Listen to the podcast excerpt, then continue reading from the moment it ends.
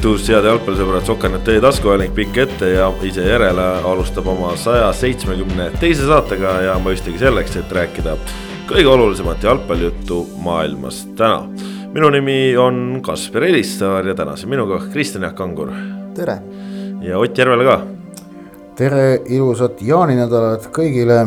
tulgu need jaanid rahulikud, aga lõbusad no Kristjan Jaak, sina oled meil tulnud äh, siukse lausa võiks öelda, et puhkuse pealt, et kas on nüüd äh, kohe tunda ka hinges seda äh, suvist värskust? lausa võiks öelda, et puhkuse pealt, hea sõnastus. Äh, ja ikka natuke jah, alati on hea, kui saab tööst hinge tõmmata veidikene, kuigi ega nagu jalgpall kuskile ära ei kao, aga imelik suvi on tavaliselt nagu saab liiga hooaeg läbi, hakkad valmistuma mõttes juba suurturniiriks. nüüd nagu tead, et suurturniir on, aga mitte praegu. et selles mõttes väga kummaline, nagu ongi siukseid nagu vabu hetki rohkem kui muidu. mis on hea. absoluutselt, eriti kui Eestimaa peal on ilm ka selline, et äh, noh, täitsa nagu mõnus jalgpalli juba vaadata ja. ja ei pea enam tulema nende talvesaabastega ja meenutades su eelmise saate meenutust vist ja millal sa meenutasid siin seda? Äh, selles mõttes, et no huvitav, hääl läks nüüd väga karuseks. väga, väga mehiseks läks. väga karuseks las ta olla siis, äh, aga tegelikult äh, laupäeval. lasid selle Rainse Hiiumaa karu maha ja tegid konserviks, sõid ära või? ei, laupäeval ma käisin Paides ja siis vihma sadas, panid ka saapad jalga. no vot, siis ongi meil on Saabaste saade, meil on mingi Jalatsi, Jalatsi, Jalatsi saade, meil on mingi uus sponsor, ma ei tea, Adi või Nike tulnud oma tossudega või me räägime jalgpallist. ei, me üritame meelitada praegu ah,. jalgpallist rääkides ja suvest rääkides, siis äh, äh, jah, et noh, paaris aasta finaalturniiri pole, selles mõttes nagu natukene kummaline. aga samas selles mõttes on, ei, ei ole ka, et eelmine suvi tegelikult alles oli finaalturniir et, et kui, kui praegu tuleks kohe finaalturniir aastase pausiga otsa, olekski veidikene kummaline, aga teine asi, mis ma tahan rõhutada on see, et, et tegelikult, ähm, tegelikult on finaalturniiri suvi finaalturniir on juulis, see on naiste Euroopa meistrivõistlused. ja, ja üleüldse minu nagu selles jalgpallikoondise jalgpalli jälgimise pildis ikkagi naiste finaalturniirid. alates kahe tuhande seitsmeteistkümnenda aasta naiste EM-iga, mis oli Hollandis, kus Holland võitis äh, ka EM-tiitli. et sellest ajast saadik ma olen selle naiste finaalturniiri nagu enda sellesse, kuidas öelda äh, mingi sisemisse jalgpallikalendrisse üpris nagu selgelt ikkagi vajutanud ja ma arvestan sellega. noh, ma ei tea, palju ma nüüd sel suvel naiste EM-i jälgin, ma igaks juhuks lubadusi ei anna, mul on enam, enamik sellest on mul puhkuse ajal ka, et mul nagu tööalaselt pole vaja vaadata. Ehm, aga, aga, aga, aga, aga see tuleb ja, ja tuletan meelde, et sel aastal naiste EM on vist alates veerandfinaalidest on täies mahus ETV ekraanil ka. et, et ta, ta saab kindlasti jällegi tähelepanu, nagu sai ka kaks tuhat üheksateist naiste mm ja nagu ka seesama kaks tuhat seitseteist EM sai. nii et selles mõttes tegelikult on ka koondise jalgpalli sel suvel küll ja noh, seda ma väidan endiselt, et, et ähm, tipptasemel äh, naiste koondise jalgpall on juba mõnda aega väga atraktiivne vaatamine, veendusin sellest ise eelmine suvi Tokyo olümpial. ja teiseks see, et see koondise jalgpalli tekitab tundeid seoses sellega, et need esindavad riiki. Need, need võistkonnad esindavad riiki Äh, ja riikidega enamikel Euroopa inimestel on mingid, mingid suhted, on sul, kas, kas mõni riik sul millegipärast, kas, kas ta on sul millegipärast meeles või ta millegipärast meeldib ja ei ole väga olulist vahet, kas neid tundeid tekitab mees või naiskond seal jalgpallimurul. kui see ümbritsev atmosfäär on endiselt äh, vägev ja naiste finaalturniiridel mõnda aega nad on, see on olnud juba päris äge ja kindlasti tänavu suvel noh, mängitakse Inglismaal see tuleb ka, et nad on päris korralikult pileteid seal müünud, tõsi, mõned staadionid on väga väikesed ja seal nagu mängu. Eh, noh, mille, mida nad tagantjärele kahetsevad, et nad osa mänge viisid väikestele staadionitele.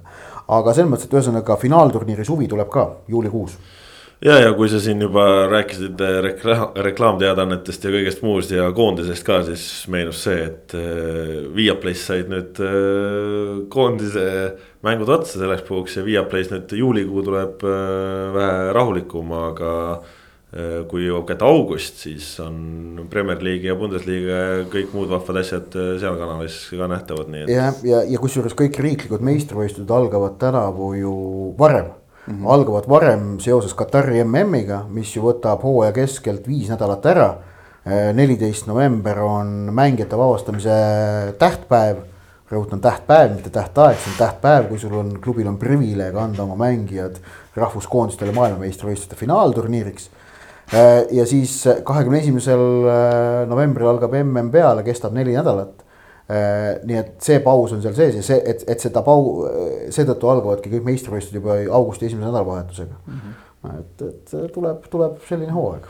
natuke, natuke nagu sihuke võrreldes mingite varasemate siin aastatega, kus see Covid selle kõik nagu pea peale pööras, kus oli tõesti selline tunne, et noh, kogu aeg nonstop mängiti.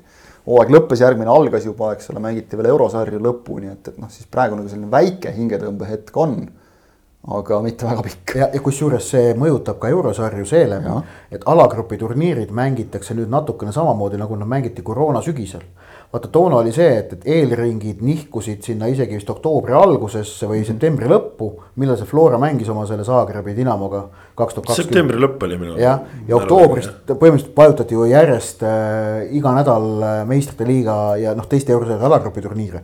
siis seekord on see, et, et alagrupi turniirid lõpevad ära novembri alguseks.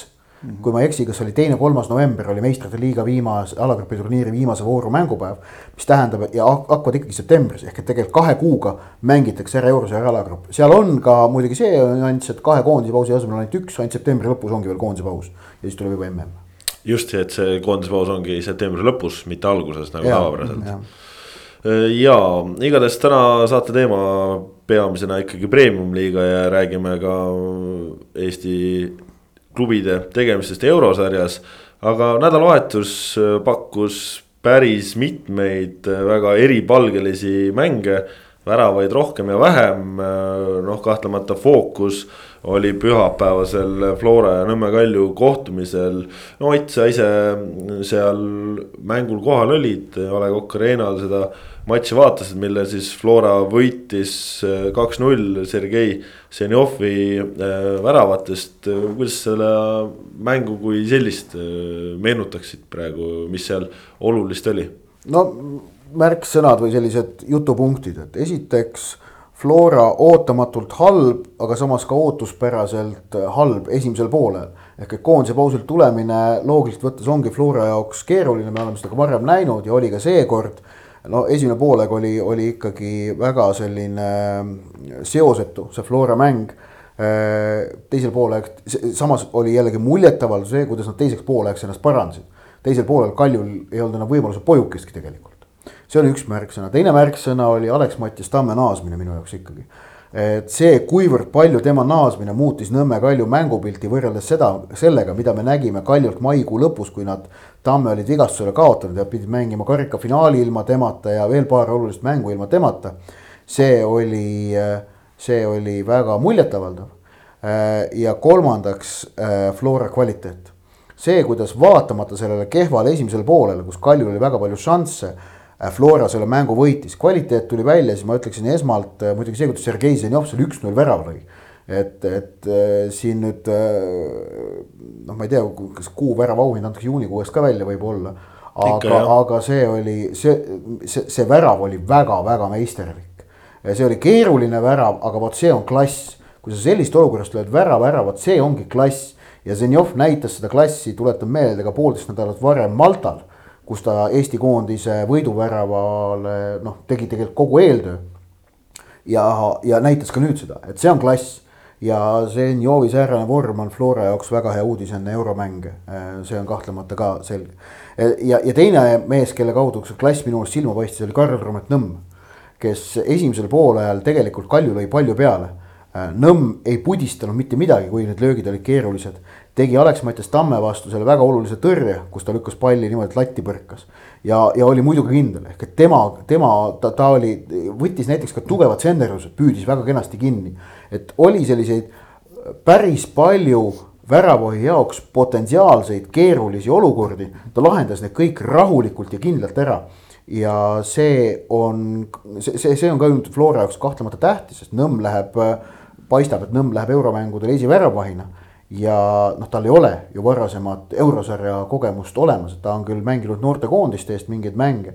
aga, aga noh, sellised väikesed nüansid on need, mis nagu Flora jaoks on tähtsad. see, et Flora lõpuks võitis kaks-null, vaatamata sellele, et tegid kehva esimese poole ja vot see näitabki klassi. et sa suudad sellises olukorras ka võidu välja võtta no tegelikult äh, Flora ju tegi ka koosseisus mõned sellised ebatavalisemad lükked, näiteks äh, Marko Lipp kuulus algkoosseisu ja ja tegelikult ju mängis väga korralikult ka kahtlemata eurosarja silmas pidades olulist minutit, nagu ka Jürgen Enn pärast mängu siis rääkis, aga Kristjan Jaak, see, et Kalju suutis esimesel poolel Äh, sedavõrd äh, vastupanu tekitada ja teisel enam mitte, kuigi ka ju äh, vahetustega prooviti käike tuua seal veel taktikaliselt ringi tõsta. Ei õnnestunud, mida see räägib? ma ütleks, et Kalju on ja selle eest tuleb neid kindlasti kiita, mänginud sel hooajal seni välja, kas nüüd oma maksimumi, aga nad on suutnud ikkagi noh suurem osa sellest, mis on selles võistkonnas nagu olemas, välja pigistada minu meelest. ja see väärib kindlasti kiitust, aga vot nüüd ongi küsimus, et kui on need hetked, kui on vaja nagu veel juurde panna. Muidugi võib ka noh, rääkida ka sportlikust õnnest või, või millestki sellisest, et kui sa ikkagi alguses jätad noh, ei saa öelda nagu jätad kasutamata sellise võimaluse nagu Maksim Kussevil oli vist juba kolmandal minutil, eks ole, kohe mängu alguses. et noh, ta ei ulatunud lihtsalt seal tehti nagu kõik õigesti, suurepärane sööt paremalt äärelt Markovitšilt värava eest läbi ja, ja Kuusev lihtsalt ei ulatunud tühja võrku palli lükkama, lükkas posti. et noh, oleks see sisse läinud, võib-olla me räägiks hoopis teist juttu. Aga noh, see on natukene see, mida treenerid armastavad öelda, et äh, detailid otsustavad mängu ja nii edasi, aga, aga ma nagu nägin seda, et, et Kalju ei jõudnud äh, lõpus enam Floraga sammu pidada, ehk et Flora pakutud Äh, nagu intensiivsus või noh, isegi selle, nagu sa ütlesid, jah, mitte väga hea esimese poole pealt. See väsitas nad ära lihtsalt, see, kuidas hakati lõpus nagu vigu raiuma juba, et noh, see näitab ära, et, et sa, sa, sa oled juba, sa ei jõua enam nagu sammu pidada. lõpus vigu raiub selle pealt, see null kaks tekitas pettumuse sealt no,, mingil hetkel see, see nagu vallandus Äh, mul lihtsalt tuli meelde see ühe endise Nõmme Kalju treeneri lemmiksõna kaatšestva. kaatšestva ja just ja. täpselt jah. et seda kaatšestvat ikkagi Kaljul ka eilses mängus lõpuks ei olnud piisavalt, et Flora vastu asjad ära lahendada. ja aga samas ma olen nõus sellega, et vaata, mille pealt Flora väravad lõi. ei löönud selle pealt, et Kalju mäng oleks kuidagi valesti olnud seadistatud äh, taktikaline plaan ja mänguplaan üldse oli minu meelest Kaljul jällegi nagu vägagi asjakohane ja õige aga kaitsjate individuaalsed oskused lihtsalt vedasid eile muidugi Kaljut ka rängalt alt. no kaks-null värava puhul, see, kuidas Johan Vannonen kaotas selle duelli Mark-Andres Lepikule, see on kriminaalne. See on just see, et mitte Lepik ei võitnud seda duelli, vaid Vannone kaotas, ta lihtsalt lasi ennast noh. no nagu... Lepik tegi ka hästi. ta tegi hästi aga noh, ta lasi ennast üle mängida. see, mis Vannone tegi, noh, see, see oli ikka masendav mis BSG-st me räägime, no see, see, see oli. Äh, no aga see oligi, BSG duubel mängib Prantsusmaa viiendas liigas no.. okei okay,, selge ja, ja noh, tegelikult ka esimese värava puhul, seal kaotas Manone ka ühe duelli, aga seal Tsivelikidis noh, Zenjovi vastu ei saa lihtsalt, no ei ole seda taset, et saada Zenjovi vastu mitte üheski olukorras. no aga Zenjov on samas ka Eesti aegade üks paremaid ääreründajaid üldse, kes on mänginud tõsi, väga jah. mitmetes kõvades välisliigades ja ka eurosarjades. aga panemegi, panemegi kokku, eks ole, ühelt poolt ühe meeskonna kaitsjate individuaalsed äh, eksimused teiselt poolt teise meeskonna ründaja individuaalse kvaliteedi ja saamegi täpselt kaks väravat, eks ole, kaks. kuigi Kalju plaan oli igati okei okay,, siis äh, Flora mängis oma taseme välja ja see tähendaski seda, et, et Kaljul ei piisanud ka sellest heast plaanist. et, et Flora käest punkte saada, noh ja, ja tegelikult see seeria, mis nüüd Floral, mis Kaljul Flora vastu on, see on ikkagi päris masendav Kalju vaatevinklist ja ma tuletan meelde ikkagi, kuidas no kaks tuhat seitseteist kuni üheksateist oli Kalju versus Flora vastasseis oli Eesti kõrgliiga või isegi kaks tuhat viisteist kuni kaks tuhat üheksateist. oli see vaata et nagu keskne vastasseis, Kalju versus Flora, okei okay,, Infonet oli ka seal sees ja Levadia oli ka, aga see põhimõtteline veelahe no kuidas nagu Tehva ragistas ikka Floraga ka, ka platsiväliselt ja, ja tegeles vastandamisega. et see oli see aeg, kui vaata, et raudteederbi oli nagu Tallinna derbist mõnevõrra atraktiivsem ma ei ütle, mängijate jaoks on alati olnud Tallinna derbi tähtsam ja teatud fännide jaoks ka. aga selle ütleme sellise nagu. asiotaaž või sihuke jah nagu. asiotaaž oli suurem raudteederbi ümber ja seda inimest, kes nagu igapäevaselt võib-olla no Premiumi liigat väga süvitsi ei jälgi. Flora Kalju vastasseis ilmselt erutas rohkem kui Flora Levadia. nüüd on see muutunud, nüüd on Levadia selgelt selle, selle koha nagu Flora põhivastase koha tagasi võtnud. ja see kaks tuhat üksteist, kaksteist oli samamoodi kui oli, kui Igor Prinsi juhendamisel kaks tuhat üksteist ei saanud Kalju tiitlit kätte Floralt, aga kaks tuhat kaksteist sai. et, et see oli ka siis toona. et, et, et noh, kuidas toona oli Kalju nagu ikkagi suures mängus sees ja kuidas praegu nüüd alates kahe tuhande kahekümnenda aasta algusest nad pole Flora käest saanud kätte mitte midagi peale ühe viigi aga no ma ütleks ikkagi. ja see on, see on sünge stats. et nad selle hooajaga juba tulevad nagu jälle sinna suurde mängu sisse. tuleb seda asiotaaži, tuleb mängulist kvaliteeti, et tegelikult noh. vahel nagu endal ka kipub meelest minema, vaatan, et okei okay,, Kalju nüüd noh, nagu jälle oli kraadikese võrra Florast kehvem. aga ärme unustame seda, et kust Kalju hooaja alguses või noh, ütleme eelmise hooaja pealt nagu tulema hakkas nad olid ikka täielikus augus tegelikult, enda. ja mis see, mis see punkti vahe oli seal üle kolmekümne midagi? see oli ikka metsik, noh ja mänguliselt noh, eks ole, kui saadi siin hooaja lõpus veel mingeid pakke, eks ole, ja, ja noh, nagu. asi, mida, mida Kaljuga ei, ei ole olnud, ei ole juhtunud alates nagu esimestest aastatest meistriliigas üldse. et, et seda kõike arvestades, et seda meeskonda alles ehitatakse üles, ehitatakse üles, meil pole veel pool hooaegagi läbi, on ju. et noh, tegelikult seda vaadates on, on Kalju teinud väga head tööd, aga ja no oleks eile selles... kolmandal minutil löödud üks-null või mis iganes, on ju. jah, et siis me ei tea, siis oleks võib-olla Flora hakanud siin jälle, eks ole, kuidagi nagu noh. väristama, noh, kas väristamine on õige sõna, aga võtame nende mängu, eks ole, Levadiaga, kus noh, kümne mehe vastu pide-, pigem nagu oli õnne, et viik kätte saadi. et eh, noh, on ka sellest nüüd siin räägitud, et, et ega need Flora esitused nagu ja, ja noh, teiste meeskondade esitused enne euromänge on olnud sellised kesised Paidest räägime ka kohe, eks ole, aga aga samas nagu minu meelest varasemad aastad on näidanud ka, et tegelikult need, need meeskonnad, kes ikkagi Eestit nagu Euroopas esindavad, et seal on nii kogenud mängijad ja, ja ka noh, ikkagi suhteliselt kogenud treenerid ja. ja, ja seal ei, ei ole nagu sellest probleemi, et mängitakse tihti Euroopas nagu palju paremini kui võiks. miks sa praegu seda juttu Kaljuga seoses räägid, nad ei mängi Euroopas? ei, ma ei räägigi Kaljuga seoses, ma räägin nagu Floraga seoses no. pigem selle nurga alt, et okay., et, et, et noh, mis Florast nüüd saab ja nii edasi. et, et Kaljuga seoses jah, praegu ei ole, ei ole mõtet sellest rääkida tõesti, selles osas on sul täiesti õigus, aga, aga Flora peale minnes jah, siis, siis ma, ma ei näe, ma ei näe seal probleemi nagu, et, et jah, võib-olla on sellised nagu küsimärgi kohad nagu see kaitseliin, millest sa rääkisid, eks ole, et kui nüüd Joonas Tamm noh, ükskõik nagu nii, nii-öelda läheb tagasi Ukrainasse, ükskõik kus seal seda Ukraina liigat siis mängima hakatakse ja kuidas ja millal, eks ole, aga. aga Kalju keskkaitse või Flora keskkaitses on konkurents ja ma arvan, et nad hakkama saavad seal, et, et ma ei muretseks küll selle pärast ükskõik, kes seal mängib. ma muretseks, aga et on ka konkurents, sellele ma vastu ei vaidle jah, et kui sa võtad Joonas Tamme praegu ei. Flora kaitseliinist ära see pärast... on selge, aga ma nagu selles mõttes, et umbes nagu nüüd mäng laguneks, seda, seda muret küll ei ole vaja. no vaatame Euroopas, kuidas nad vastu peavad, selles mõttes, et no Joonas Tamme roll Flora kaitsemängus on olnud praegu kevadel ikkagi fenomenaalselt suur ja kõrge, et no aga see. ja, ja praegu. seda enne ka näinud, et, et mõni läheb eest ära, siis tõuseb keegi teine. no just, aga et tuleb vahetult enne euromänge.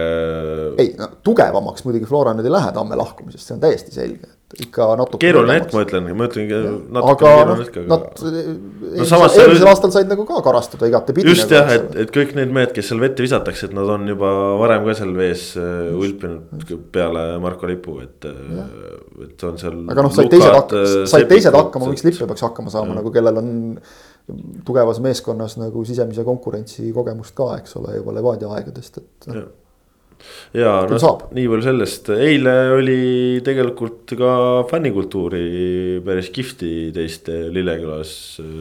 Ott, mis, mis poolakad sa ära nägid siis oma silmaga? ei no nad olid kohal ja natukene laulsid ja pärast tegid pilti ja noh, ei, selles mõttes lihtsalt huvitav sündmus minu meelest. et sellist asja äh, kohtab, äh, ma arvan, pigem harva jalgpallis noh, e, ma arvan, et seal natukene oli neil vist niisama reisikihku ka, et nüüd ainult, ainult kui, aga Vassiljevi, Vassiljevi erakordne hooaeg Bialystok Jagiellonias kaks tuhat kuusteist, seitseteist andis neile hea ajendi see reis ette võtta ja näha oli, kuidas Kostjale läks see hinge. Ta nagu noh si, rääkis siiralt pärast mängu, kuidas see päev talle meelde jääb, muidugi jääb selline asi meelde. ning, ning tore, et sellised asjad jalgpallis juhtuvad, need selliste no vot, rahvusvahelised jalgpallisidemed äh, on, on tegelikult säärane seeneniidi võrgustik, mis, mis hoiab äh, koos ja muudab tugevaks tervet Euroopa. Ja, ja ka maailma jalgpalli, noh räägime praegu rohkem Euroopa jalgpallist. Ähm, ja, ja sellistes nüanssides, mis siin avaldus peitubki jalgpalli vägevus, et no kui, kui ja, ja, ja, ja see põhjus, miks jalgpall on suutnud kõikides teistes spordialades kerkida oluliselt tähtsamaks, niimoodi ta läheb niivõrd palju inimestele korda. ning, ähm, ning üks asi, mida see veel äh, no ma arvan, noh näitas, äh, on see, et või meenutas õigemini et me tegelikult päris täpselt ikka ei aima ega tea, mida Eesti jalgpallurid välisklubides mängides on korda saatnud või, või mida nad seal tegelikult on tähendanud, et, et oleme ausad, see kõik tuli nagu üllatusena meile. Äh, me saime mängupäeval kõik sellest teada, et selline asi on, et, et noh, me teadsime küll ja et, et Vassiljev oli Poolas liiga üks paremaid mängijaid, käis seal kõik telesaadetes esinemas, õppis poola keele ju ära ja, ja oli nagu selline tuntud persoon aga et mida ta tegelikult, mida tema teod seal tähendasid, vot seda me niivõrd täpselt ei teadnud. ja ma arvan, et ta ei ole ainukene, et, et, et tegelikult Eesti jalgpallurite poolt jäetud jäljed Euroopasse oleks selline päris huvitav uurimisteema, need võivad olla eripärased. aga no näiteks eh, talvel komistasin ju selle peale, kuidas Tarmo Kingi need kaks väravat Burnley'le, ei Bournemouth'ile, kellele iganes ta lõi need kunagi. kui ta lõi ühes mängus kaks väravat Middlesbrough eest. Eh, kuidas see oli ühe, ühe eh, Middlesbrough põnevamaid hetki jäädvustanud kunstniku poolt jäädvustatud või pandud, joonistatud sinna mosaiiki, mida ta oli Middlesbrough hetkedest kokku teinud. et, et, et vot sellised asjad on huvitavad ja, ja noh, kuidas Mihkel Aksalu on Seinajoki nüüd Flora vastase legend tegelikult, no vaieldamatu legend ja, ja noh, me leiame Eesti jalgpalluritest veel, et, et noh, oleks huvitav tegelikult teada, mis on Ragnar Klavani pärand Augsburgis. mis oli tema karjääri ju ikkagi äh, noh, tipp Äh, hetk selles mõttes, et noh, ta oli seal võtmemängija. Liverpool oli muidugi teistpidi tipphetk, aga ta ei olnud Liverpoolis kordagi võtmemängija. Kuigi ma võin omalt, omalt, omast kogemust kinnitada, Liverpoolis Klaavanit mäletatakse siiamaani. sa ütled, et sa oled äh, taksojuhil, et sa oled Eestist ahaa, aga teil ju Ragnar Klavan on Eestist ju, et ta mängis meil siin. kahe aastaga sihukese väikest viisi kultuskangelase rolli sai ta seal kätte, eks ole. jah, ja ma praegu ma ütlen, ma kontrollisin seda asja nüüd siis tänavu maikuus, et, et see on siis neli aastat pärast seda, kui Klavan on Liverpoolist lahkunud ja toimib jätkuvalt. aga mis on Ragnar Klavani roll praegu Augsburgis, kuidas teda seal mäletatakse, oleks ju huvitav asi. ja, ja noh, ja, ja tegelikult äh, me leiame jalgpalliks veel seda, et noh, Mart Poomi Darbis mäletatakse, seda me teame. aga noh, ta, ta väga palju selle väravaga muidugi ennast seal ka, ka jättis, kuigi noh, kindlasti oli seal muid tas tasandeid ja kihte veel. et, et äh, need, mida Eesti jalgpallurid on jätnud endast maha Euroopasse, need jäljed selle jäljeradal, rajal käimine võiks olla väga huvitav teema, kui oleks aega mahti seda uurida äh, aga see on ka muidugi tohutult töömahukas. asi, mida ajakirjanikul on alati kõige vähem, aeg. no nii on paraku jah. nii kipub olema. aga et kellel on vahvaid selliseid lugusid, võib ju meie toimetusele teada anda, me siis, kui me, kui meile natukene jälge kätte juhatatakse, me võtame hea meelega selle raja ülesse, paneme terjeritena sellele vererajale järele. kirjutage, joonistage no on, aga see, see on väga huvitav teema, et mida ja, on Eesti jalgpall ja, ja see, mida me Vassiljevi pool, me nägime siin, et kuidas Bialystok ja Vassiljev see side oli, et, et noh. ja see tuleb, eks ole, mõne aastaga. jah, ja mis on Sergei Boreiko ja, ja Krakowi Wisla side, et kas, kas Hendrik Ojamaa ja Varssavi Leegia kuidas teda tegelikult sa mäletaks, noh, seal oli vastakad tunded, kes mäletavad mm, -hmm. no ühelt poolt Ojamaa mängis hästi, aga teisalt mingit pidi nagu läks natukene nugade peale ka. kes võiks veel olla vist Andres Rooper, Ooper äkki Gerkraader odas, eks ole. jah, mida, mida Ojamaast mäletatakse samas jälle Motherwellis, on ju, noh, no leiame, leiame veel ja lõputult tegelikult no,. üks, üks värske näide, ilmselt samasugust midagi sellist loob praegu Henri Anier äh, oma praeguses klubis. et, et noh, see juba on nagu märgid sellest täiesti olemas, et, et ta potentsiaal, et teda Eesti mäletatakse seal ka, kui ta sealt peaks nüüd lahkuma, eks ole, lähiajal mm. -hmm. ka näiteks viis aastat pärast seda, siis tõenäosus tundub päris suur. et see on äge. Üle pika aja üks number üheksa, kes lööb väravaid. eks ole, vot just näiteks see, eks ole, et, et see selline asi, see, see jääb nagu kohe meelde, see on natukene nagu see. no oli, kui ta, kui ta rääkis, et tal järjest kirjutavad ära jumala eest number üheksat, ära jumala eest number üheksa võta, siis Anier enam ma juba võtsin mees, kes lõpetas needuse, eks ole, et samamoodi noh, nagu Poomil oli, eks ole, Kirss Tordil oli see värav, eks ole, et need sellised väiksed asjad.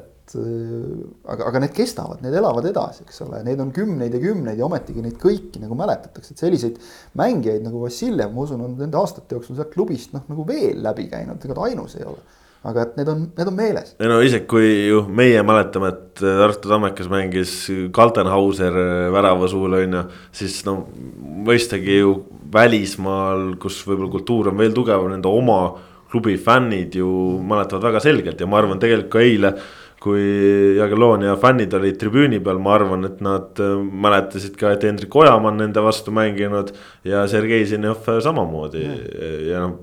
Ken Kallaste ka tuttav mees on ju, et ma arvan, et, et nad, need seosed tekkisid nendele kindlasti. mõtled välismaalasi Eestis, siis noh, tuleb meelde Kaljust näiteks George äh, Rodriguez kindlasti, eks ole, kes, kes oli selline, kes läks nagu siin inimestele hinge ja, ja nii edasi. no rääkimata Vakuist on ju. ja just, jah, Vakuist rääkimata, eks ole, neid, neid leiab ka Eestist ja see on noh ikka vaikselt liigume ka nagu järele vot äh, nii palju nendest juttudest, igatahes äh, vahva mäng ja üle tuhande pealtvaataja ka, nii et äh, selles mõttes tore, et nüüd on juba siin paar mängukest olnud, kus on nagu ikka sihuke mõnus, et jalgpalli meeleolu ka.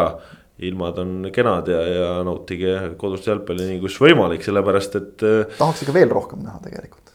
tahaks küll muidugi, aga. tulge nagu julgelt, et noh, on mida vaadata sest äh, oligi. mäng oli hea tegelikult, mäng oli, mäng oli väga hea vaadata äh, noh, ikkagi dünaamiline ja, ja, ja oli sellist äh, head taset mõlemalt poolt jah mm -hmm.. häid, häid jalgpallilisi lükkeid, mida oli kaunis mm -hmm. vaadata. Mhm. no just ja ise käies laupäeva õhtul äh, Paides, siis samamoodi täiesti suurepärane kogemus. sellepärast, et Paide ja Kuressaare vahel noh, see lahing oli lihtsalt intriigi täis, põnev, võitluslik. kuidas intensiivsus oli? intensiivsus esimesel poolel oli väga hea tõesti, tõesti meeldis, käis nagu väga tihe andmine. esimesel poolajal tõesti, ma ütleks, et see mäng oli võrdne. välja arvatud siis nendel episoodidel, kus Kuressaare mängis äh, kümnekesi, kui Sten Reinkord oli seal Artur Rusaki Jussifilt äh, peaga vopsu saanud ja, ja verd lahmas. et siis noh, kuna see juhtus kohe täiesti mängu alguses, siis ongi esimesed sihuke kümmekond pluss minutit oli noh, Paide käes ikka selge initsiatiiv.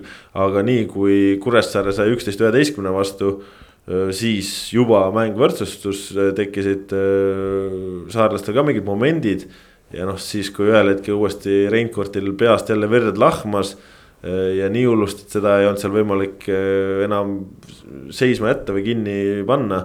ja tehti see vahetus, et Tristan Toomas Teeveli tuli väljakule ja arust esimeste puudetega andis Sander Lahele oivalise väravasöödu. kaitsjate selja taha või vahele ja lahtiselt otse õhust ühe puutega lajatas Kuressaare juhtima, et noh, see oli oli päris nagu kihvt vaatamine ja noh, sealt edasi läks samamoodi, et Paide hoidis palli, proovis Kuressaare nõelas kontratega ja tegelikult mõlemal võistkonnal oli esimesel poolel noh, sihuke kolm-neli eh, korralikumat eh, varianti.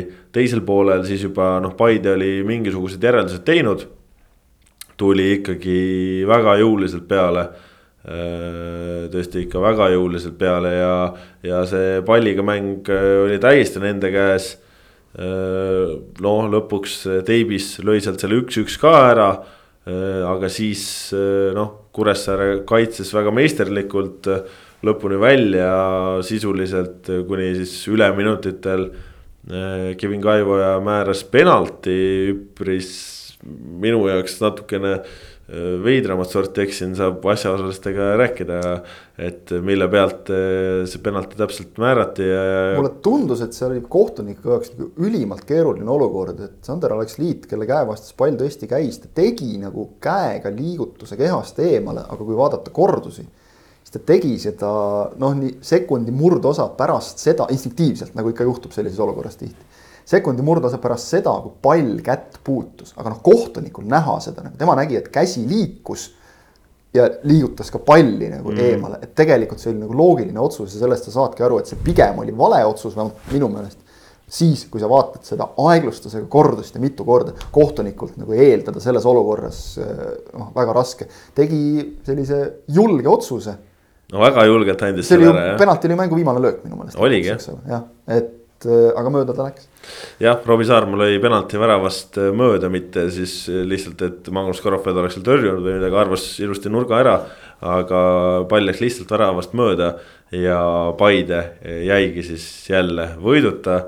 ja Paide on nüüd siis olukorras, kus no Kuressaare tuleb juba lähemale ja, ja noh. kas on nii, et Kuressaare ja Kalju on praegu Paidest sama kaugel? enam nüüd äh, pole, sellepärast et Kalju kaotas punkte, ehk siis tegelikult Paide läks ühe punkti võrra lähemale nüüd äh, Kaljule, et äh, enne mängu oli mõlemal pool tal viis punkti. jah, Paide kaotab Kaljule neljaga, edestab Kuressaaret viiega. just ehm, jah, aga no Kuressaare jaoks see viik Paidega näitab, et kui nad suudavad, et noh. Ma ei tea, kas see näitab, aga noh, see viitab, et asjade väga hästi õnnestumise korral. Nad võivad konkureerida neljandale kohale sel hooajal, mis teatavasti tänavu on äh, arvestatud tõenäosusega tagab eurokoha. mis äh, selles mõttes veel lisanüanss Paidet on nad ju korraga võitnud sel hooajal ja Kaljuga on nad ka viiki mänginud juba sel hooajal, mis on siis nagu täiendav selline Kuressaare võimete näitaja. et kui niimoodi vaatad, siis kahe esimese vastu on raske, aga nagu kolmanda-neljanda vastu ei ole üldse nii keeruline enam. just see oma mänguplaanist kinnipidamine, eks ole, distsiplineeritus.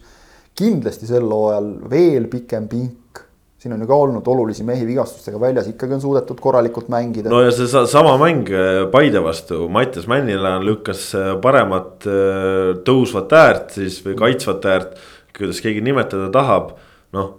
Reinkord saab vigastada, sul ees kukub võistkonna suurim väravakütt ära seitsme väravaga, Totevelia asemele ei ole nüüd liiga palju Premium-liigas karastust saanud, noh eks tal tervisega läks aega ka, et ennast kuidagi korralikumalt käima saada aga tuleb platsile, annab väravasöödu ja aitab nagu mängu ära otsustada nagu mingit pidi on ju. no just, see näitab ikkagi mingit. just, mees tuli pingilt. Noh. jah, kui, kui ma Kaljust rääkisin nagu kui meeskonnast, kes on mänginud oma võimed välja, siis minu meelest nagu Paide on võib-olla kogu liiga peale meeskond, kellel nagu kõige rohkem on, on veel vähemalt nagu kõrvalt vaadates sees.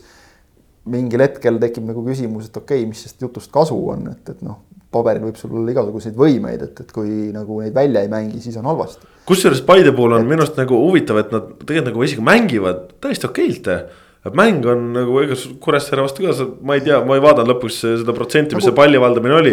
et sul on need võimalused, sa valdad palli. mingist nagu sellest lõplikust, kas teravusest või intensiivsusest no, jääb nagu puudu. Henri Anierist on puudu ees. no vot jaa, aga mulle tundub, et nagu kõige suurem probleem on neil just ikkagi nagu nende vastaste vastu, keda nad noh, nii-öelda peaksid võitma. suurtes mängudes on nad, äh, mul nagu natukene, vot vahel on meeskonnad, kes mängivad nagu vastavalt vastase tasemele ja noh, antud juhul siis nagu liiga palju vastavalt sellele. ma võin öelda, üks suurepärane näide selle jaoks on FC Hiiumaa. ja suurtes mängu oh,, oh, oh, ma ei hakka sulle parem rääkima, mida MG Keemik omal ajal kõike tegi.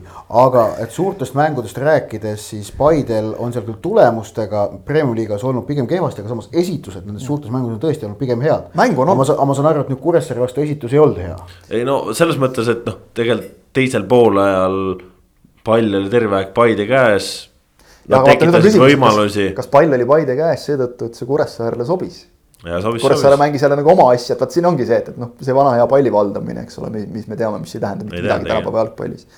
üks mees, kes on nagu natukene minu meelest, keda me vahepeal kiitsime ja põhjusega, kes on nüüd nagu viimasel ajal kuidagi ära vajunud, on Teibis minu meelest, et jah, ta lõi värava. aga see, mida ta seal äärel teeb, seal noh, ta nagu teeb ja asjatab seal hästi palju. aga seda vähemalt noh, seda lõpp-produkti. see jääb nagu eraldatuks, on ju. see jääb eraldatuks jah, et seda lõpp-produkti, mida võiks nagu oodata ja eeldada, et seda tuleb sealt nagu vähe natukene. kusjuures värav oli ka siis, kui ta oli. ta lükati keskele, eks. üles läinud jah ja,, et. et, et ja, ja noh, kuidagi jah, et, kas Kaimar Saagi nagu ei suudeta seal lõplikult ära kasutada. no Saagil oli kolm head varianti. no ja ei löönud ära, eks ole jälle, et, et või, või ongi nüüd see, et kas ei kasutata ära või ei kasutata ise võimalusi ära üks mees, kes noh, nagu kuidagi on minu meelest tõestanud nii duublis kui ka põhimeeskonnas, et võiks alustada nii Pirima Singatehaga, et, et noh, teda tuuakse ka vahetusest. teisest küljest jälle, kui sa tood sellise mehe vahetusest, annab nagu mingit lisakäiku jälle, eks ole, et noh. ja kus. otsib jällegi, ma kus... vaatasin nagu vahetusi ka kõike, et, et Karel Voolaid endiselt minu meelest nagu otsib, otsib, otsib seda, mis klapiks klikiks ja, ja, ja nagu ei ole ikka leidnud kusjuures Singate ongi ju seni, noh, ta sai ka meil maikuu sümboolsesse koosseisus, ta oligi alati, kui ta platsil oli, ta oli ikka nagu särtsakas, terav ja. ta lõi ja söötis, eks. aga Kuressaare vastu, kusjuures vahetust tulles jäi nagu suhteliselt ja. anonüümseks. märkamatuks üsnagi. aga kas äkki Paide peaks ründajaid teistpidi kasutama? Singate alustaks saak, tuleks sisse vahetusest. võib-olla võib-olla tõesti, sest nad on tegelikult. või siis kui... proovime seda, mis nad ka eelmises mängus proovisid, et ikkagi noh puhtalt kaks väga selget tipuründajat, et nad on ja. pannud küll neid erinevaid. kahe tipuründajaga ei saa mängida, siis ei ole tippu, kah lihtsalt kaks ründajat. no saab ikka. üks on natuke rohkem tipus ja ärme unustame veel seda, et noh. seda nad on väga palju teinud. ma mõtlen nagu, keda on proovitud, eks ole, täpselt nüüd noh, Teibist, Singatehi, eks ole, Saagi, Saarmat. Piht. Piht Herolitki on proovitud seal ees, eks ole, mees, kes täiesti nagu ma ütleks, on jätnud oma, me kõik teame, mis on Herold Riibergi võimed nagu, et, et väga väikest protsenti neist oleme näinud sel hooajal Paide eest paraku. kelle avanemine on ka veel täiesti võimalik, kui sa niimoodi võtad, siis tegelikult kõigil neil meestel, eks ole, jah. vot ongi lõpuks Pihti unustad juba peaaegu selle vahepealse vigastuse tõttu üldse ära, et, et tema käik on ka veel võtta, eks ole et, et kohati on selline tunne, et kas nagu valikuid on natuke liiga palju, et noh, ütleme Anieriga on nagu lihtne, et sa tead, sa hakkad meeskonna koosseisu paika panema, et Anier ja siis vaatame edasi. nüüd on nagu nii, et kelle ma võtan, kuhu ma ta panen, eks ole, kui palju, kes alustab, kes tuleb vahetusest, et kohati on nagu sihuke tunne, et seda, seda ruumi on nagu nii palju, et noh, ongi keeruline treeneril leida ja kui meeste vormid ka veel nagu niimoodi kõiguvad, aga võib-olla kõiguvadki sellepärast, et liiga palju muudatusi. et noh, ei kadesta selles mõttes Karel Voolaid, et, et ei ole, ei ole praegu nagu lihtne ülesanne seda seda punti just selle nagu ees niimoodi mängima saada. ja, aga noh, Karel Voolaidil, eks ta tunneb vaikselt seda survet ka, kui need noh, okei okay,, karikavõit tuli ära sellega kõik hästi, Floralt saadi liigas punkt kätte, suured teod tehtud, on ju. aga no eks see ikkagi Surve... käib, käib nagu au pihta, kui sa oled ikkagi Paidega Äh, Floras tabeliliidris praegu viisteist äh, punkti vahet on ju. ei no ja et... surve tuleb siis, surve ei tule siis, kui sa jääd, ütleme Florast ja Levadiast maha. Või kui sa seal Kaljuga madistad jääd neljandaks, surve tuleb täpselt siis, kui nagu Ott ütles, et kui Kuressaare hakkab sulle kuklasse hingama. siis tuleb küll surve juba, kui sul on oht jääda eurokohast ilma jälle, eks ole, ja noh, ütleme siis jätta nagu karika peale. ja, ja noh, tegelikult äh, oligi laupäeval Paides ka näha, et ega Voolaidil oli seal päris palju seletamist, sellist noh ongi Igor Morozovi, Kuressaare abitreeneriga seal kohtunikega, et nagu seda noh, sellist no ütleme siis lähenemist või auru läks kohtadesse, mis ma ei ütleks, et nagu nii voolaidilikud, et muidugi voolaid nagu on ühtepidi hästi nagu ongi emotsionaalne. aga teistpidi on hästi ka selline, kes suudab seda kõike kontrollida, on ju, aga kui sa ikkagi noh paned seal seda energiat mida siin vastane ütleb või, või kuidas keegi seal äh, vastane räägib kohtunikuga kui sa sellistele asjadele oma energiat paned, noh. no arusaadav ongi veits nagu pinge, aga see ei ole nagu liiga hea asi, ma arvan. su energia läheb ju valesse kohta, et inim, toredate inimestega päevapoliitilistel teemadel diskuteerimine on alati nagu tervitatav, aga võib-olla mitte nagu jalgpallimängu ajal, eks ole, et, et sa pead ju oma meeskonda juhendama, eriti kui nad on noh, ikkagi raskes seisus sel hetkel no mitte, et ta ka seda ei oleks teinud. ei kindlasti, aga ma ütlen, et noh, iga sekund, mille sa kulutad nagu selle muu peale, see ju nõuab energiat. jah, see on noh, nii nagu see öeldakse ju mängijatele väljaku peal samamoodi, et, et ärge seletage, et keskenduge mängule on ju, et. mängi ära mölise oli see vist nagu rahvakeel no on ka jah, sõltub koolkonnast. sõltub koolkonnast. ja noh, ega tegelikult ju teistpidi, eks sellega sa ju ka mõjutad mängu, mõjutad vastast, mis iganes on ju, aga noh. aga noh, jah. võib-olla natuke läheb liiga metatasandile on ju, et et äh, igatahes ei ole jah, Paidel see nagu just ühest küljest jah, nagu mängu nagu on, aga tulemust ei ole, et see on nagu. ei liha ega kala on nagu see kogu see. just, ja vaatame, kuidas neil eurosarjas läheb, selles mõttes, et seal nagu noh, on nagu saab vastane, kellega saab mängida, et, et ja, ja jällegi võib-olla lööb jälle see välja, eks ole, et, et need on ikkagi kogenud mehed, kes on meeskonnas ja noh, Voolaid ka ikkagi on Eesti koondise peatreener, et rahvusvahelisi mänge nagu mänginud, et. ja, ja, ja see, et Paide on suurtes mängudes suutnud nagu hästi mängida. ega see nüüd ei ole ka ainult mängijatest kinni, see on ikkagi nagu treeneri töö ka, et, et noh, siin. see, see enese leidmine, see käib nagu, seda on hirmus palju praegu Paidel tundub. et, et kui, kui klapib, siis on potentsiaali nagu väga heaks tulemuseks, aga seni on just neist tulemustest jah puudu jäänud. ja aga noh, Kuressaarel teistpidi siis äh, kakskümmend neli punkti käes ja no ma ei tea, vist vaikselt võib öelda, et on püsimajäämine kindlustatud, et. Päris ootamatu juunikuus Kure, Kuressaare kaotas. Kure suvi ikkagi nagu noh, tundub, et nagu siin Eesti suvi jäi hiljaks, et see Kure suvi ka, klassikaline ei, ei kipu tulema praegu, aga, aga ega see meeskond nagu ei jäta ka praegu sellist muljet üldse, et, et võiks nagu mingi ärakukkumine toimuda. see on täitsa see, ma arvan, see mõõnaajad on kuskil täitsa minevikus, et siin ma arvan isegi selles mõttes no, nad mingit maitset tunnevad, järgmine mäng Levadiaga on ju ja Levadia siis tuleb eurosarjast äh, neile vastu. ja, ja see on siis olukorras, kus me mäletame, et äh, Kuressaare eelmisel aastal Florat näpistas, kes tuli eurosarjast. kui me räägime praegu top viis meeskondadest, siis Kuressaarel ei ole kaotada absoluutselt mitte midagi üheski mängus. see on päris kõva. no vennad teevad eluhooaega praegu, et noh. aga noh, see ei ole nagu põhjust ka nüüd sellest kuidagi minna omamoodi krampi, eks ole, et, et see seda ei näe nagu juhtumas. jah. vot jah, vot siin ka muide. ma ei tea ma ei tea, mis Kuulbeti kohvid on, aga see Kuressaare Levadia mängus. see mäng toimub Saaremaal ka veel ja, ja, ja kui, kui Levadia peaks veel reede hilisõhtul mängima Islandil, noh. üks ristpanus pole paha, juhtugu mis tahes Islandil. jah jah, et selles mõttes täitsa nagu põnev olukord ja noh, Roman Košovski ka selles mõttes noh Eesti U kakskümmend üks koondise peatreener on ikka nuuti saanud, et mis ta seal teeb ja, ja mehed ei mängi, on ju. põhjusega ju. aga näed, ma ise ütleks, et Kozlovski vist tundubki olema tegelikult sihuke nagu eh, klubitreeneri tüüpi vend, et ta ongi selline hästi usaldav, rahulik, tasakaalukas eh, saabki oma mänguplaani juurutada, oma nõudmised esitada, sest ta on ju tegelikult nagu nõudlik treener, on ju. ja, ja kui sa siis ongi, sul on aega, sul on võimalust töötada no., töötada, töötada, siis see on ja U kakskümmend üks koondis, noh üldse koondise jalgpall on selline. kus sa tuled kohe, seal pigem võib-olla mängivad sellised äh, emotsionaalsed pooled äh,, mingisugused motiveerimispooled, kuidas ja... sa saad selle tuhhi üles äh, selle lühikese ajaga. oleme ausad, suur, suur probleem ja puudujääk ja tegelikult peaks küsima, et miks, miks seda ei nähtud ette. Kožuhovski nimetamisel U kakskümmend üks koondise peatreeneriks on see, et äh, tahame või ei, aga keelebarjäär. noored poisid ei kipu vene keelt oskama, kes ei ole nagu vene taustaga. ja, ja neid ikkagi noh, oli vähe U kakskümmend üks koondises. ja, ja sa ei saa peatreenerina anda oma sõnumit edasi, kui, kui sa ei räägi sõna otseses mõttes meeskonnaga sama keelt, siis ei räägi nagu väljakul ka sama keelt.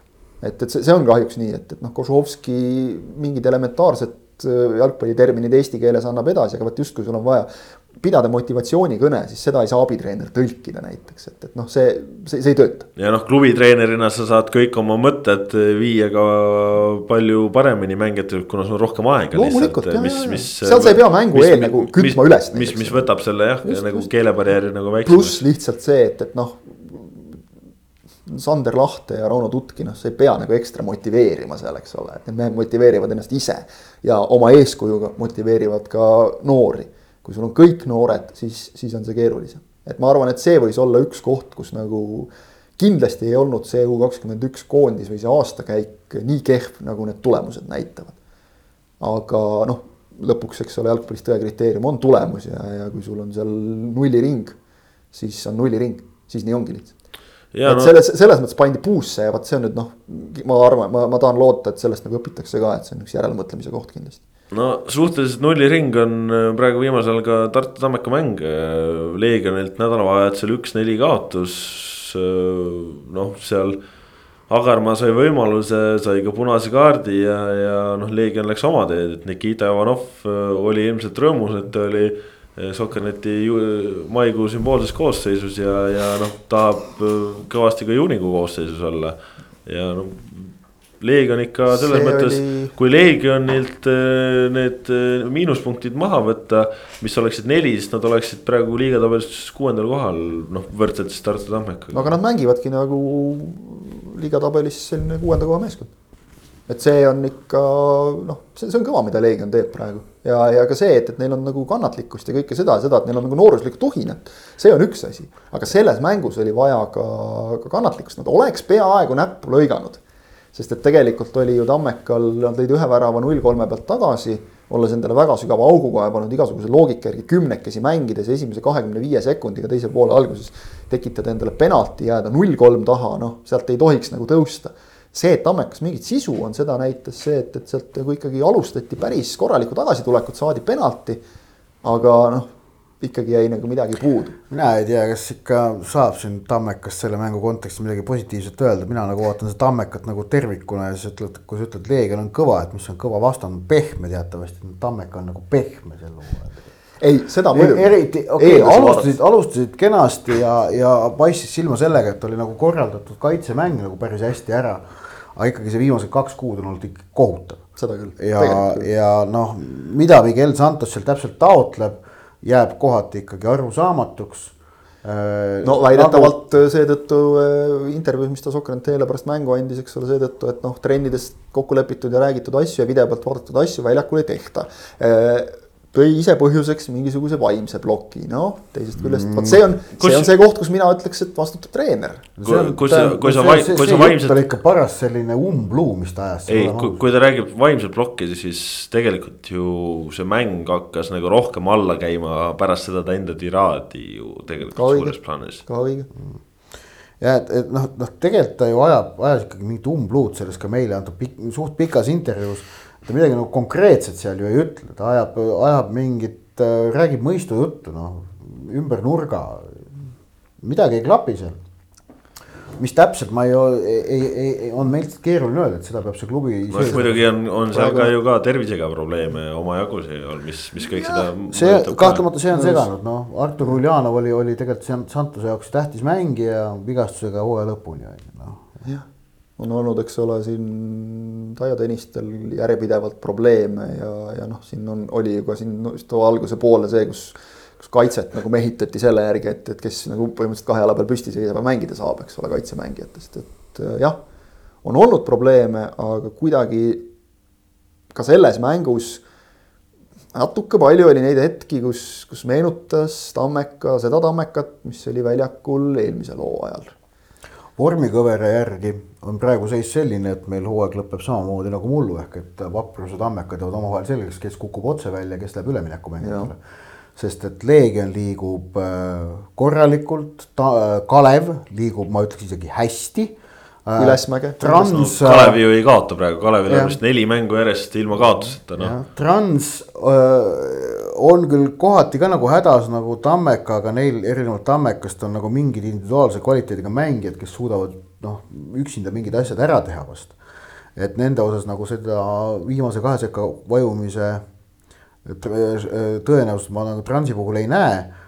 noh, Leegion ja Kalevi puhul seda muidugi välistada ei saa, aga Tammeka ja Vaprus on need, kelle nagu trend on selgelt negatiivne nii Leegioni kui Kalevit minu meelest ühendab see, et, et on nagu ikkagi noh, Leegionil juba selle tõttu, noh ka Kalevil tegelikult osalt nagu selle tõttu, et, et neil on väga selgelt aru saada, millist mängu mängida. kuidas hoida nagu oma joonisest kinni, Leegionile aitab see kaasa, et paljud poisid on mänginud juba noorteklassidest koos, eks ole, et, et noh, nad teavad, on jah premium-liiga tasemel kogenematud, aga tõesti paistab see välja, see ei, ei ole sõnakõlks et Leegioni noormängijad ei karda kedagi ega midagi. seda oleme näinud enne nii-öelda nagu indiviidi tasandil, nüüd näeme ka nagu meeskondlikul tasandil. Kalevil on, on väga selge plaan, seda näitas ka mäng Transiga. Nad teavad oma tugevusi, nad teavad oma nõrkusi, see on väga suur asi tegelikult, me näeme väga palju neid treenereid, kes tahavad mängida nii või naa noh, vaadatakse kuskil eeskujude peale, ei arvestata võib-olla seda, mis materjale sul kasutada on, et selle materjaliga ei saa niimoodi mängida. võib-olla natukene saab ka siin tuuagi just Tammekat ja Santost selle näiteks. kuigi pigem minul on olnud nagu see, et küsimus, et mis mängu te siis mängida tahate, mulle jääb see natukene segaseks. Mis see plaan on, Kalevi ja Leegioni puhul jällegi, meil pole hooaeg poole peal, aga juba on selge, mis on plaan, Kuressaare puhul on selge, mis ja, on plaan, eks. Kalev oli Transi vastu tegelikult äh, väga sümpaatne oli vaadata, et, et seda Kalevit on ka hea vaadata. Ja, ja kuidas, kuidas Kalev mängib ja huvitav on vaadata.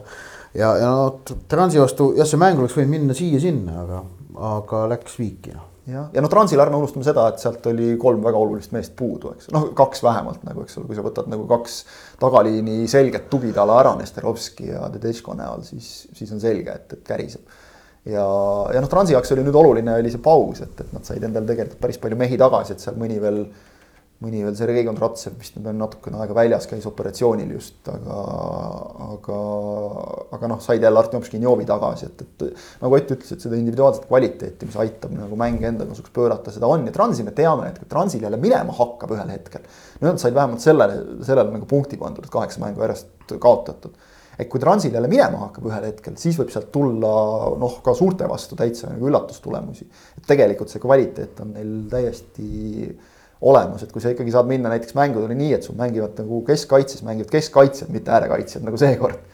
et, et siis, siis on ka mäng teine kohe natukene. no ja Trans ju tegelikult äh, selles mõttes äh, ikkagi ka nendel hetkedel, kus nad said neid kaotusi. no seal oli ikka väga õnnetuid olukordasid ja, ka, ei olnud see, et oleks nagu iga mäng lootusetult halvad oldud või, või. oli ka mänge, kus laguneti, aga, aga noh, just see, et, et seal, seal ikkagi on sisu ja noh, ka neil on nagu treener, kellel on konkreetselt selged ideed ja, ja kes, keda mulle tundub, et, et seal seda muret nagu ei ole, et, et vähemalt kõrvalt vaadates, et nagu mängijad treenerisse oleks kuidagi usu kaotanud või midagi sellist, et noh, oli kehv periood, tuleb kõigile ette, et hooaeg on pikk veel, et võib-olla nüüd hakkab nagu transitõus jälle, aga et jah, seda individuaalset kvaliteeti, mille pealt nagu asju teha, seda on.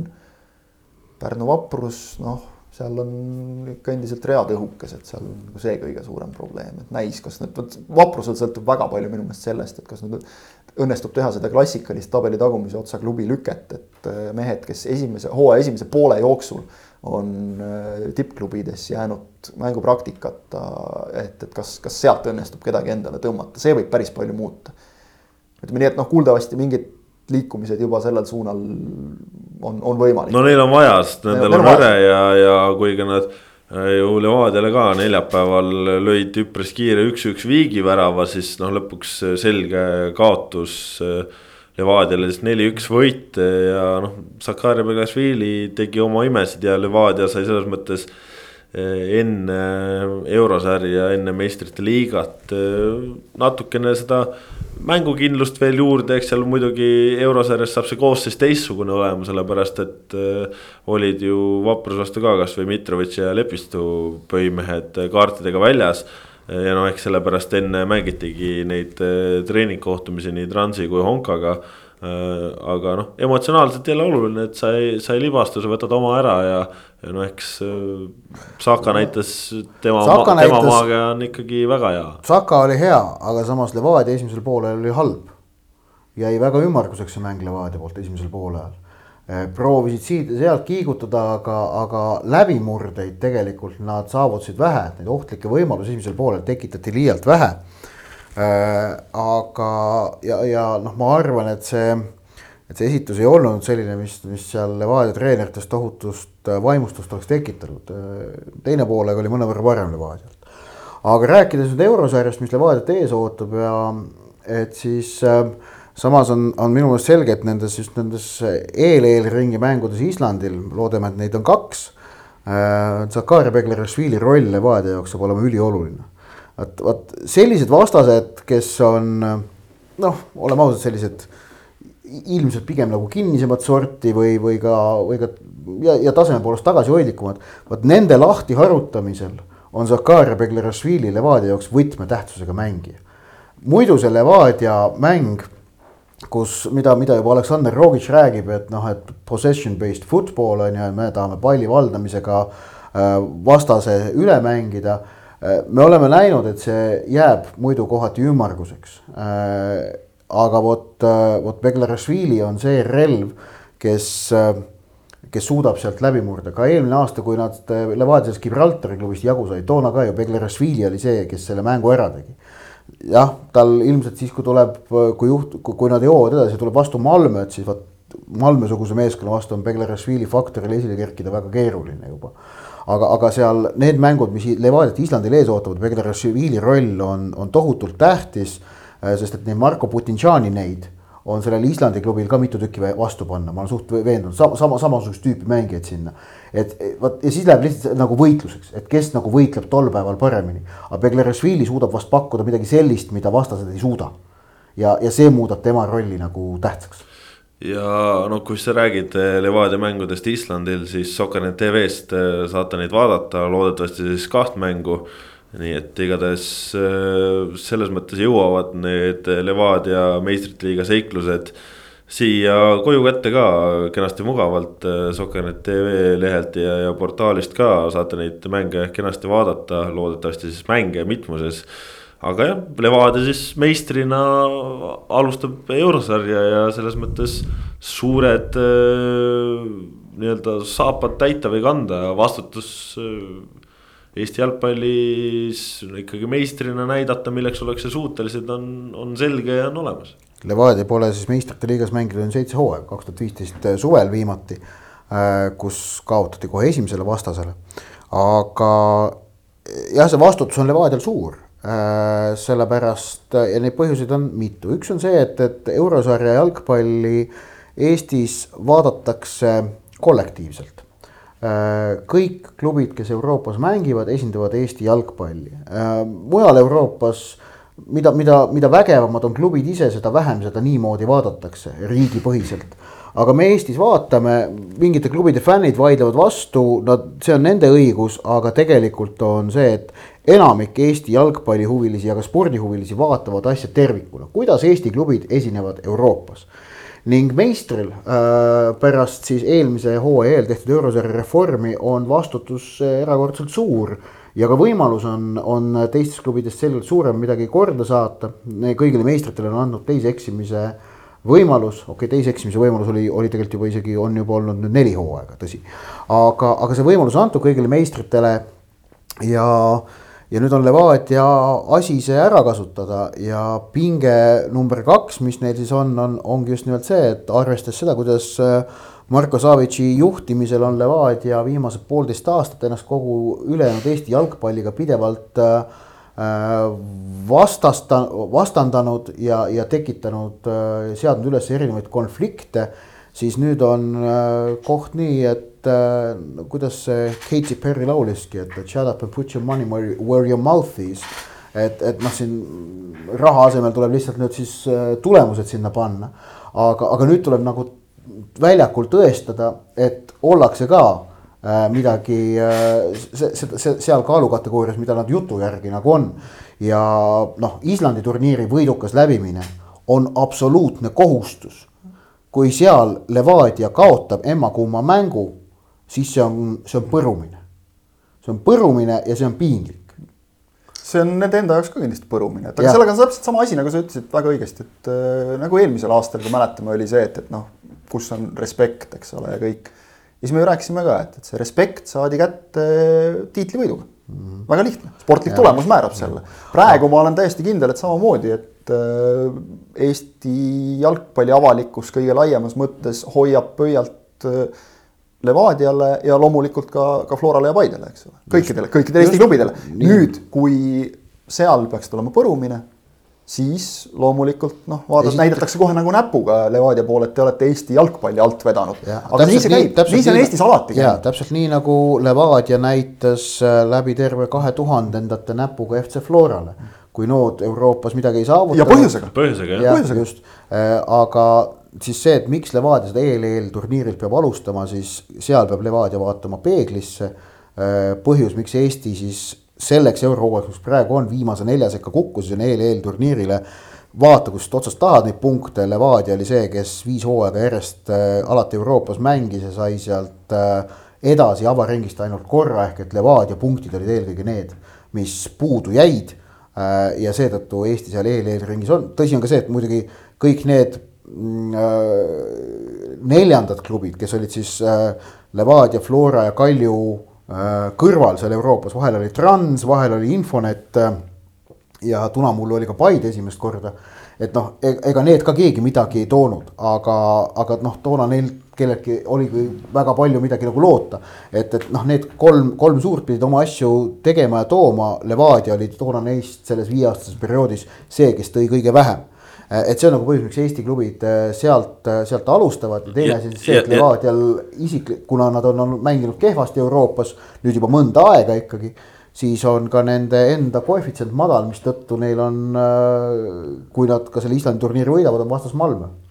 samas jällegi teistpidi, mis on siis Levadia puhul nagu tore või märkimisväärne, et nad on ise sellest ka aru saanud, on ju, et nad on Euroopas lati alt läbi läinud. millega ongi siis kogu see süsteemsus klubis oluliselt kõrgemaks viidud mm., taset tõstetud. mis siis kulmineerus eelmisel aastal meistritiitliga, on ju, ja, ja mis siis sel aastal panebki veel suuremad ootused ja lootused nende peale no,. jälle samamoodi nagu on aru saadud. et olete, olete teinud tööd, viinud ennast uuele tasemele, et noh, nüüd siis ongi noh, lõikame nüüd vilju, on ju. nüüd on nõudmised ka kõrgemad, eks ole, samamoodi nagu, eks ole, meistritiitel tuli ja, ja samal ajal juba saadi aru, sest noh, selliseid asju ei tee üleöö, eks ole, et sul peab olema nagu korralik klubi püramiid, eks ole selle tõttu investeeriti nagu tänavuseks hooajaks just, ma ei mõtle isegi nagu rahaliselt, vaid noh, nagu mõtte, mõttelist ja, ja energi-, energiat ja kõike seda duubli ülesehitamisse, eks ole.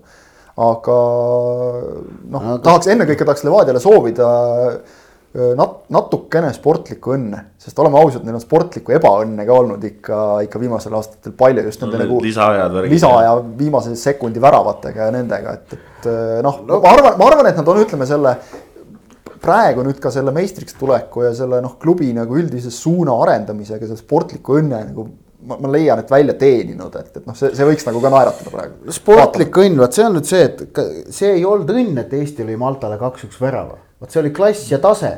et Sergei Zenjovil oli tarmukust ja jõudu üheksakümne neljandal minutil see vaheltlõige teha meeskond rünnakule viia, Malta väravvahist mööda mängida, leida sööduga üles Henri Anier, kes oli liikunud õigesse kohta, lükkas selle palli väravasse see ei olnud õnn, see oli klass ja tase.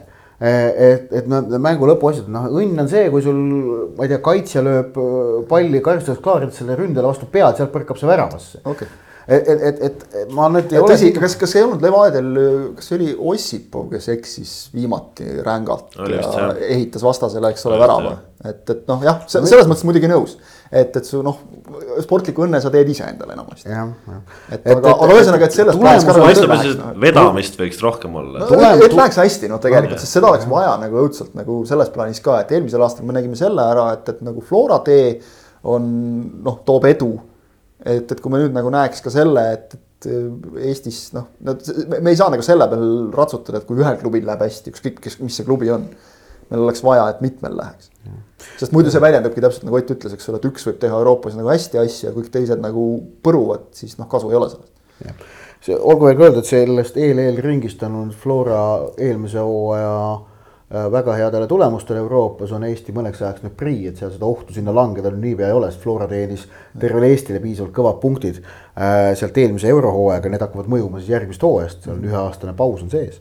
et, et see, see on nagu ka oluline teada aga tulemus on tõe kriteerium ja, ja tõsi on see, et, et samas asjade objektiivne seis on see, et Levadialt oodata või nõuda sama, mida Flora mullu tegi, on keeruline. Sellepärast just nimelt, et nad ei ole meistrite liiga esimeses eelringis, kui nad sinna jõuavad asetatud, nad saavad sinna vastu Malmö. ja kui sa esimeses eelringis kaotad, siis sul ei ole seda Euroopa, Euroopa, Euroopa liiga vahet, puhvrit ei ole, vaid sa lähed kohe konverentsi liigasse ja kui seal kaotad, on kõik läbi. ehk et pärast Malmöle kaotust, mis noh, oleme ausad, kui nad sinna jõuavad, on tõenäoline tulemus siis tuleks alistada kolm vastast järjest, et jõuda konverentsiliigas alagruppi, mis on ilmselt keeruline, aga. mitte võimatu. Noh, ei ole võimatu jah mm, -hmm. aga, aga ikkagi selget kvaliteedihüpet Levadialt Euroopas võrreldes eelmiste hooaegadega tuleb nõuda ja seda on põhjust nõuda ka tervel Eesti jalgpallil.